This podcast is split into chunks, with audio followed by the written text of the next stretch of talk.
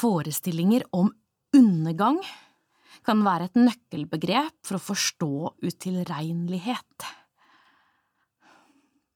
Her i arkivet finnes det mange eksempler på radikaliserte krigsforbrytere. Noen av dem ble erklært sinnssyke, som for eksempel Quislings eh, justisminister Sverre Risnes. Han sto på alle fire oppå et bord i rettslokalet og hylte som en ulv. De stramme herrer, dommere og advokater som satt i retten den gang, må ha blitt ganske redde, for Risnes var en respektert jurist, også veileder for psykiatriprofessor Gabriel Langfelt, da Langfelt skrev sin lærebok i rettspsykiatri. Til slutt ble han erklært utilregnelig og slapp dødsstraffen. Etterpå så skrøt han av hvor lett det hadde vært å manipulere legene til å tro at han var gal. I kontrast til Risnes står Gard Holtskog, den norske politipresidenten under krigen. Han var overbevist om at han ikke var sinnssyk, selv om han hadde mange symptomer på alvorlig personlighetsforstyrrelse som utviklet seg mot paranoid psykose. Saken hans ligger her. Breivik ville heller ikke bli sett på som sinnssyk. Han gjorde alt som sto i hans makt for å virke normal gjennom hele den lange rettssaken. Han hadde full kontroll. Gjorde nesten alt riktig. Unntatt den derre bisarre nazihilsen til å begynne med. Han eh,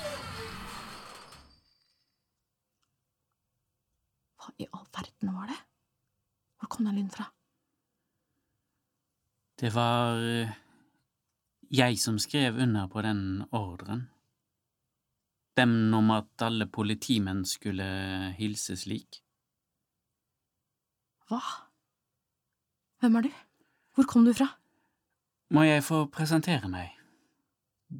Gard Holtskog, politiminister Jonas Lies personlige protesjé, politiinspektør, politimester og senere politipresident i Kirkenes. Nei, det er ikke mulig. Han er død. Han døde i 1987. Det var bare tilsynelatende. Hvordan i all verden har du kommet deg inn hit? Til meg?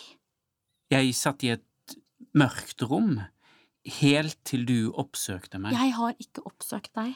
Jeg har aldri møtt deg, og vet ikke engang hvor du ligger gravlagt. Du begynte å interessere deg for meg, grave dypt i livet mitt. Jeg har ikke gravd. Det var jo ikke på ordentlig. Din interesse vekket meg til live. Den ga meg et slags håp, og nå er jeg her. Og hva kan en død mann håpe på? Et nytt og helere liv. Nei, nei, nei, nei, nei. De døde kan ikke gjenoppstå til nytt liv. De er døde. Det er delte meninger om den saken. Du har sikkert lest beretninger om Ja. Jeg har kun hatt akademisk interesse for deg. Det var aldri meningen at vi skulle møtes. Det var aldri meningen at vi skulle treffes.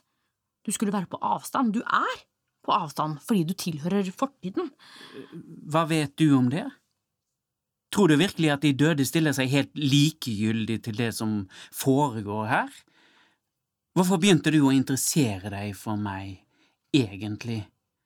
Hvorfor ville du trekke meg frem? Kunne du ikke bare latt meg være her nede i mørket? Du har hørt utdrag fra En fabel om utilregnelighet av Ingeborg Solbrekken.